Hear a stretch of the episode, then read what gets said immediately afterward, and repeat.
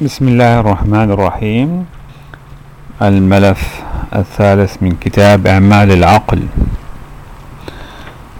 بداية صفحة سبعة وخمسين إن التحقق من صدق الأحكام المركبة لا يمكن أن يتم انطلاقا من مبدأ انطباق المفاهيم المؤلفة للحكم والواقع المحسوس نظرا لأن مثل هذا الانطباق ممكن في المستوى الأول للتجريد فقط. لذلك يتطلب التحقق من صدق الحكم السابق النظر أولا في اضطراد الاستدلال النظري سواء أكان الاستدلال انتقالا من حكم جزئي إلى كلي وهو ما يسمى استقراء أم من حكم كلي إلى جزئي وهو ما يسمى استنتاج. ومن ثم التأكد من انعدام التناقض الداخلي بين الأحكام المؤلفة للنظرية الساعية إلى تفسير الواقع أي اعتماد مبدأ الاتساق الداخلي للنظرية. قبل الشروع في اختيار مدى تحقيق النظرية لشروط الانطباق. فالاتساق للانطباق هو المبدأ الرئيسي للحكم على صدق الأحكام المركبة. إن العقل بوصفه قوة للنفس البشرية للحكم على الصدق والكذب أو الصواب والخطأ. لا يقتصر على الأحكام الإجرائية بل يشتمل على عدد كبير من الأحكام المضمونية. وتتولد الأحكام المضمونية هذه من تفاعل الجزء الإجرائي من العقل مع معطيات الواقع الكلي للإنسان بمجالاته الثلاثة العلوي والاجتماعي والطبيعي.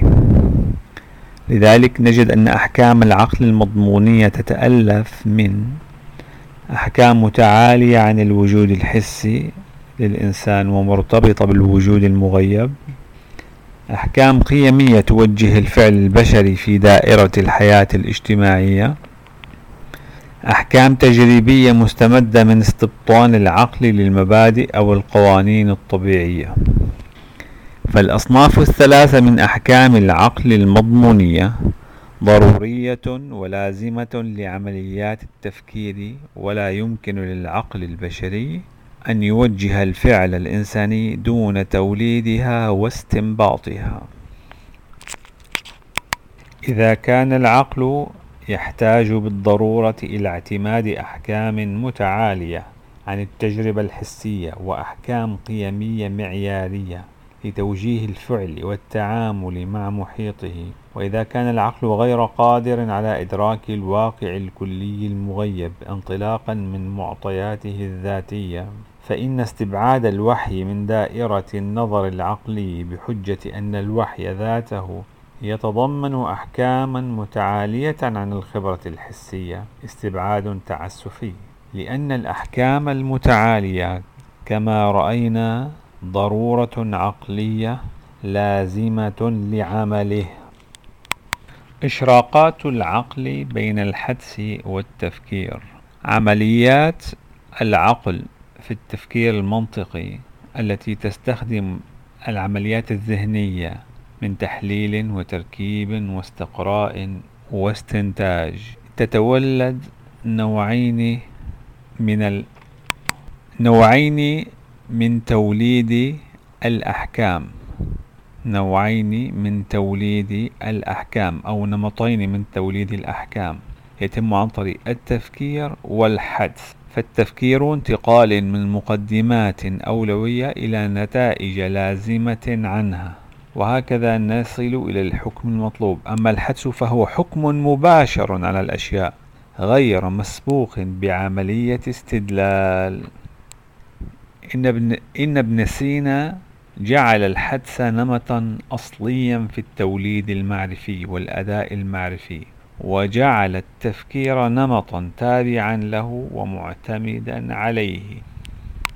نحن كثيرا ما نجد أن عمليات التفكير ليست سوى بحث عن آليات الاستدلال أدت إلى توليد قناعات راسخة. إن الحدس النظري أصل التفكير وأساسه. وأن التفكير ليس سوى محاولة لنقل الإدراك العقلي من حالة معرفية إلى حالة علمية. وإذا كان التفكير في حقيقته جهدا لبيان المعاني التي أدركها العقل حدسا والبرهان على صحتها فإن الاستدلال العقلي سلاح ذو حدين. مبحث العقل بين الحق والهوى. مشكلة إخضاع الحقائق للأهواء والنزعات الذاتية مشكلة قديمة. قدم الفكر بل قدم الوجود الإنسي نفسه. يخبرنا القرآن مشكلة الإعراض عن الحق واتباع الهوى. ويضرب القرآن أمثلة على استخدام الحجج والبراهين العقلية لتبرير انحراف قيمي وأخلاقي. كتبرير الكفار الشح. قال الله تعالى وإذا قيل لهم أنفقوا مما رزقكم الله قال الذين كفروا للذين آمنوا أنطعم من لو يشاء الله أطعمه؟ إن أنتم إلا في ضلال مبين. إن ارتباط التفكير بمحفزات عملية وتأثره بنوازع النفس ورغباتها يؤكد لنا مرة أخرى أهمية الأحكام المتعالية والقيم الأخلاقية للحفاظ على التوازن الداخلي للعقل والحيلولة دون تحوله من أداة لتبرير السلوك المنحرف فصيانة العقل من الانحراف النظري خاصة في دائرة التنظير الاجتماعي والسياسي والاقتصادي تتطلب قيام ثوابت تصورية وقيمية. لذلك نرى القرآن يستخدم لفظ القلب الذي يجمع بين النوازع النفسية والنظر العقلي للإشارة إلى القدرات النظرية والفهمية للإنسان. قال تعالى لهم قلوب لا يفقهون بها ولهم أعين لا يبصرون بها. مبحث التجديد الثقافي بين الأصالة والاستعارة. إذا اعتبرنا أن الثقافة تتحدد بمبادئ التفكير والسلوك المشترك بين أفراد جماعة سكانية وأن الحضارة تتعين بالإنجازات الإدارية والثقافية والعلمية والفنية لثقافة ما فإن إصلاح منهجيات البحث وآليات التفكير والتفاعل مع المحيط الطبيعي والاجتماعي هو المدخل الطبيعي لتحقيق الفاعلية على المستوى الثقافي والحضاري. يضرب أمثلة الدكتور لؤي صافي على اصطدام عقليتين أو ثقافيتين. عندما ذهب ماركو بولو إلى سلطان أحد الجزر وأخبره بأن الناس يسيرون على الماء في الشتاء فرفضه هذا السلطان واختلف معه لأنه لا يتصور أن يتحول الماء إلى جليد في الأيام. الباردة وهذا المثل هو عن خلاف عقليتين أو ثقافتين. وضرب مثلا عن خلاف حول القيم خلاف بين عقليتين حول القيم.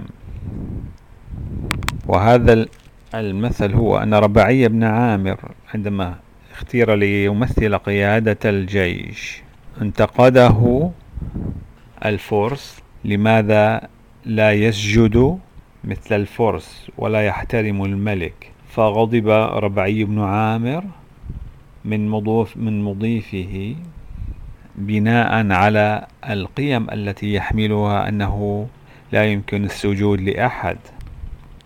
ولذلك هذين المثالين السابقين يظهر العلاقة بين الثقافة السائدة ومبادئ التفكير. إن النهضة الحضارية للأمة. لا يمكن أن تتم انطلاقا من الواقع الغربي الحداثي أو اعتمادا على عقل هلامي بل تتطلب تطوير نموذج حضاري بديل انطلاقا من الذاتية التاريخية للأمة التي لا تستمد قوامها وهويتها من تجاربها التاريخية. وحسب بل تستمدها كذلك من الوحي الذي منحها الرؤية وأمدها بالقيم وزودها بالتوجه الذي أدى إلى ظهورها وإقامتها حضارة متميزة رائدة. ينتج عن ملاحظتنا السابقة للعلاقة بين العقل والثقافة السائدة أن التجديد الثقافي يرتبط ارتباطا مباشرا بإعادة النظر في مصداقية المبادئ والأحكام العقلية المكتسبة وذلك بإعمال مبادئ العقل الفطرية فيها لاكتشاف مواطن الخلل والتناقض الداخلي من جهة ومقارنة الأحكام الموروثة من خبرات ونظرات السابقين بأحكام متولدة عن رؤية أصلية للواقع الكلي.